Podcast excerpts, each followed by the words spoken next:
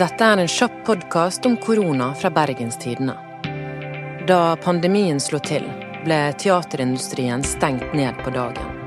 Litt etter litt har de fått åpne, for å så måtte begrense antall publikummere. Et lite teater i Bergen kjemper for å overleve pandemiens herjinger. Blir liksom blank i øynene når, når vi snakker om hvor vondt det gjør. For det at det er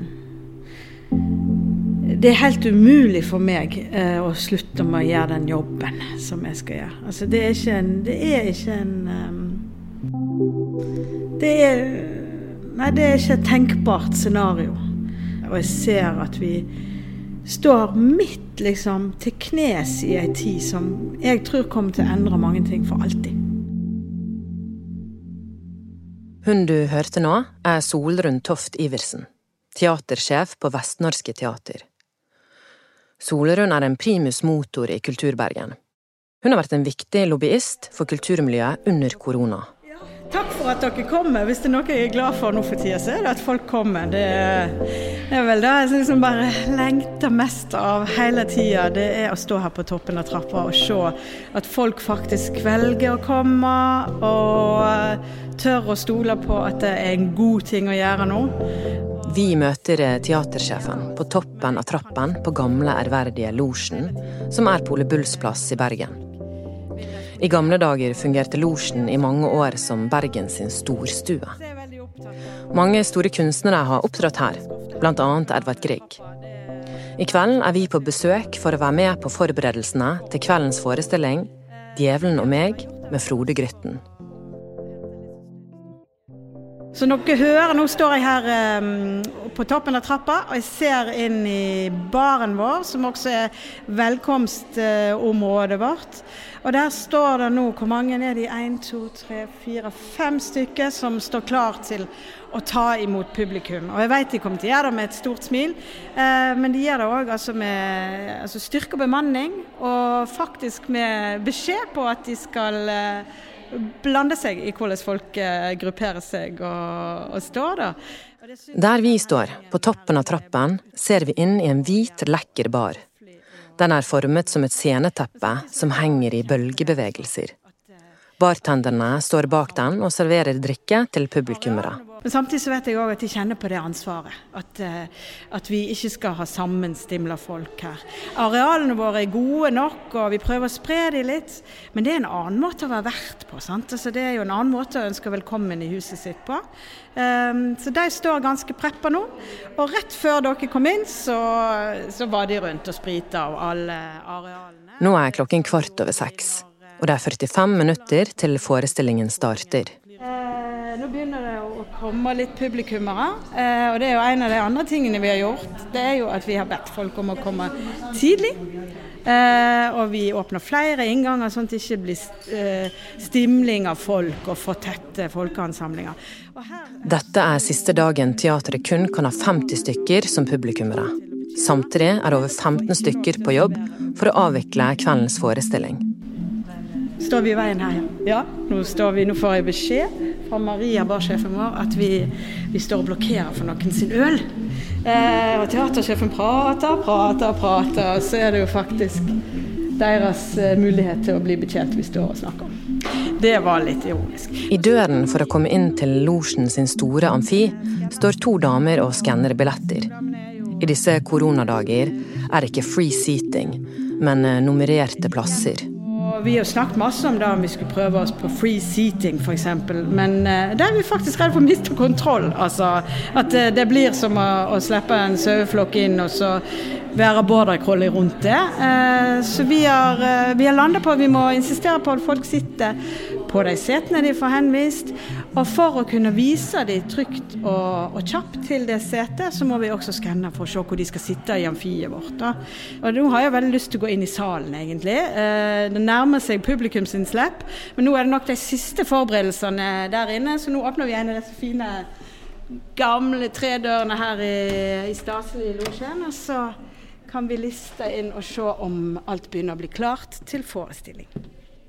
Vi går inn i det store amfiet på Losjen teater. Det er staselig. Store krystallkroner henger ned fra taket. og salen er full av ensomme stoler med lang avstand til naboen. Vi kommer rett inn i oppvarmingen til to av musikerne.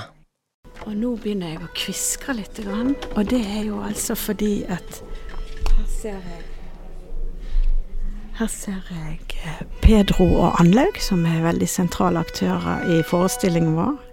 Helt fantastiske aktører, vil jeg si.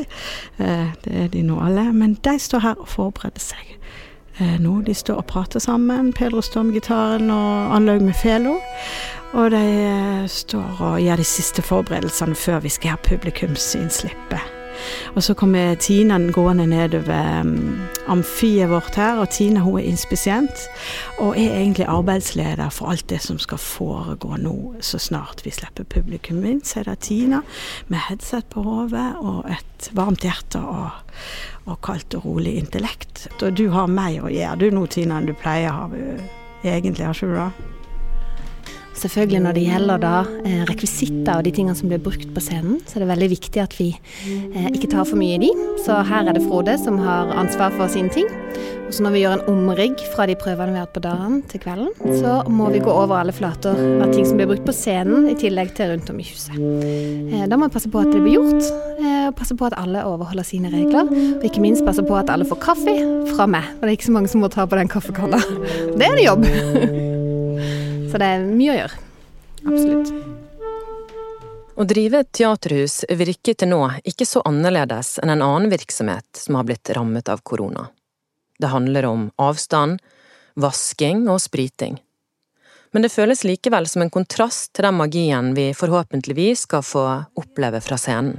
Eh, og jeg vet jo at når jeg går på teater, så vil jeg veldig gjerne holde kjæresten min i hånda hvis det er noe jeg syns er ekstra fint, eller jeg vil ha ungen min i armkroken, eller dulte i venninna mi når jeg syns det er noe som eh, minte meg om noe som jeg vet hun tenker på det samme. Alle de tingene som er sånn interaksjon mellom publikum òg, blir også nå begrensa. Kunne du gått alene på teater? For det er nesten sånn på det vestnorske teatret i kveld. Du kan ikke sitte sammen med en venn eller kjæreste. Hele forestillingsopplevelsen er jo et kretsløp der det blir gitt og tatt fra scene og fra sal. Eh, og når du sitter litt mer isolert enn du ellers eh, gjør, så føler du kanskje litt dummere hvis du ler høyt plutselig. Eh, eller hvis du spontant begynner å klappe. Altså, det kan være flaut nok ellers, da. I vanlig, et vanlig teateroppsett. Men her når du sitter alene, så tror jeg veldig mange blir mer sjølbevisste. Eh, og føler at de, eh, at de kanskje holder litt igjen. Nå står Tine og peker på klokka si, og jeg sa jo tidligere at det er henne som har styr på alt. Hun får også lov til å bestemme over meg.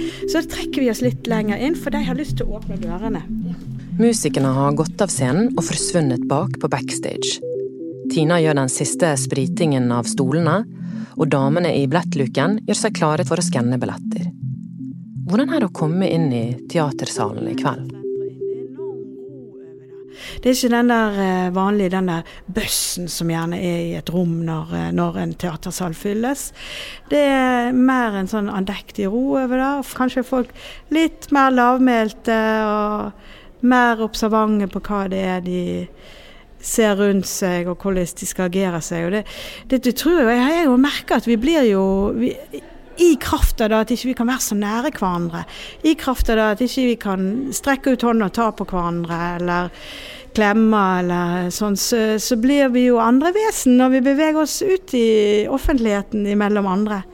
Jeg kjenner meg noen ganger litt sånn amputert i det òg. At, uh, at jeg mangler en del av personligheten min. Uh, og jeg mangler òg faktisk en del av, av radiusen i hvordan jeg ferdes på en eller annen måte.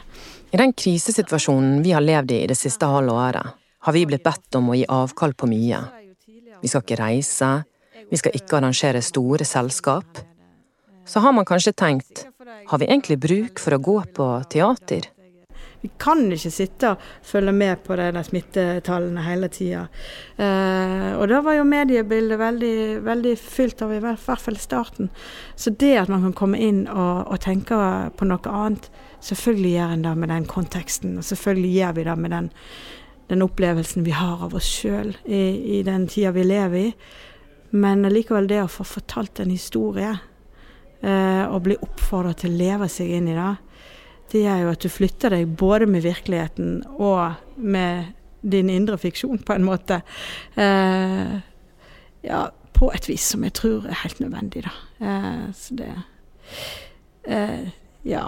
Gir meg fremdeles veldig stor opplevelse av, av, mening når jeg ser at det kommer folk inn i denne salen og setter seg og dermed sier at det vil vi. Det har vi bruk for. Vi har bruk for hverandre.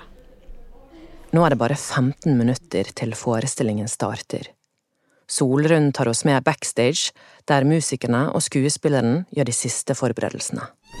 Eh, nå går vi inn i denne garderoben jeg nettopp fortalte om. Får vi lov å forstyrre dere litt? Ja, ja, ja. Og her sitter det en, eh, en, gjeng som ser ganske rutinerte og avslappa ut. Jeg er sikker på at innvendig så holder de på å sprenge av spenning for å møte publikum. Nå kommer Anlaug ut fra sin garderobe og sier hei, hei Anlaug. Ja. Og Frode Grytten, han ser jeg òg. Han ser ut som han pleier. Det gjør han ikke når han går på scenen og får det lyset på seg. og inntar den andre Frode Grytten-rollen. Da tror jeg mange får, eh, får en veldig utvida opplevelse av deg, Frode. Vi får hette, rett og slett. det gjør inntrykk. Det setter avtrykk i sjela. Frode Grytten er kanskje aller best kjent som kritikerrost forfatter, men han har også vært journalist, og nå er han skuespiller i stykket Djevelen og jeg, en teaterkonsert han har skrevet selv. Det har gått greit, har det ikke det? I forhold til å Det er veldig fint. Ja. Det er veldig eh, kjekt å spille for 50 år. Ja. De tror de har opplevd det som noe eh, spesielt og ja, litt sånn Om ikke eksklusivt, så i hvert fall noe helt eh, utenom det vanlige. da. Ja. Og det har vi òg, egentlig. Ja. ja. Vi er mer takknemlige for hverandre, nesten. Eller? Ja, det er veldig varme fra publikum. Nå blir det kanskje kulde, da. når vi nå blir det iskaldt. Nå blir det iskaldt. Blir den, det blir den kalde skulderen. Bare gå ut og møte den kalde skulderen. Solrunden skufler oss ut, så bandet og Frode skal få gjøre de siste forberedelsene. Hvis eh, noen i produksjonen blir syke, så må vi stenge teateret. Ja.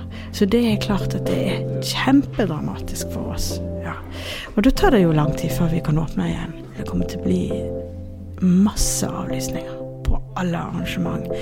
Eh, og det, det, er en vanskelig balansegang for helt sånn bunnfelt i alle oss teaterarbeidere og teaterelskere. Så det ligger liksom det der veldig forslitte, men sanne uttrykket 'The show must go on'. Og orkesteret spiller til skipet går ned, og vi går på jobb. Og som Wenche Foss sa, eh, når man spurte 'Er du frisk, Wenche?', så sa hun nei. Jeg er ikke frisk, men fru Alving er heldigvis frisk. Ikke sant? Det ligger helt inn i DNA-et vårt. Så der kjemper man liksom med, med, store krefter når man sier OK, men da må vi avlyse.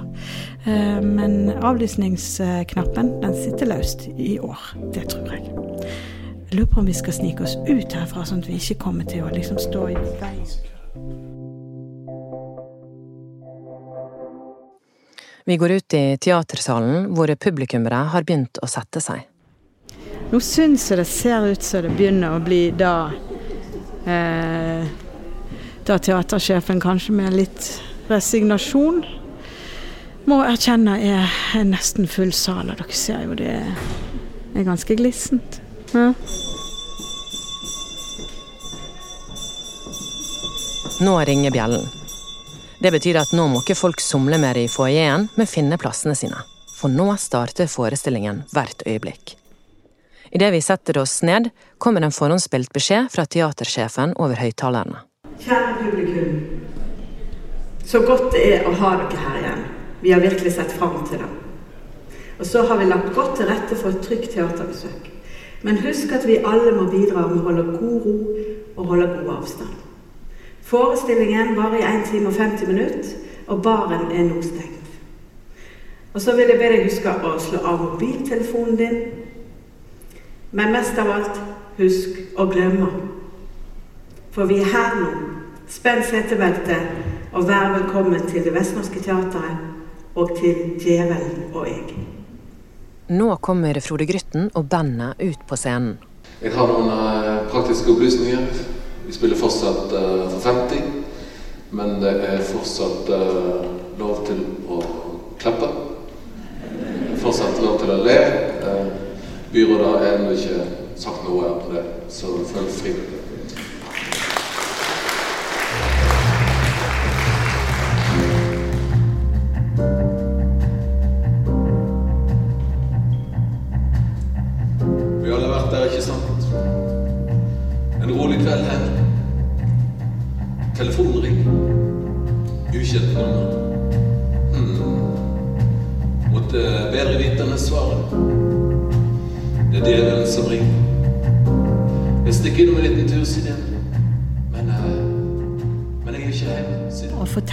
Utspiller seg sånn at eh, djevelen kommer på besøk til Frode i Fyllingsdalen en kveld og vil ha han med ut i en eh, Toyota Corolla for å cruise. Eh, og djevelen har tydeligvis et eller annet på hjertet. da. Eh, Frode han spør hva du vil meg, jeg vet du vil meg noe.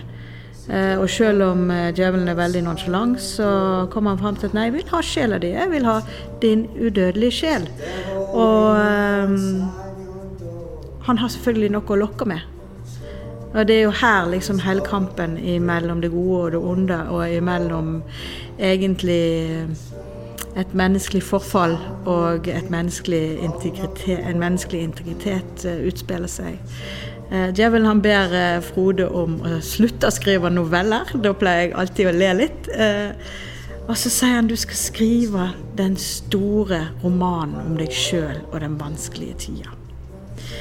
Og her er det altså at forfatteren Grytten mister sin integritet og vinner stor rikdom, berømmelse, damer og en uh, D-route på eh, hotellrom med rus og ensomhet. Uh, og uh, en medieoppmerksomhet som gjør at han ikke lenger eh, eier sin egen aktelse for seg sjøl. Eh, helt til han står tilbake og ser inn i det rekkehuset han forlot i den Corollaen. Eh, og selvfølgelig lengter hjem til det som var smått og rett. Og han i siste ende. Det er det djevelen handler om. Eller djevelen jeg handler om. There's a devil crawling along your floor. With a trembling. Så hvor er vi nå? Vi er sannsynligvis fortsatt langt unna fulle scenehus og en teateroppsetning slik vi kjenner det. Men hva tenker teatersjefen om stykket, og kan det fortelle oss noe om tiden vi lever i?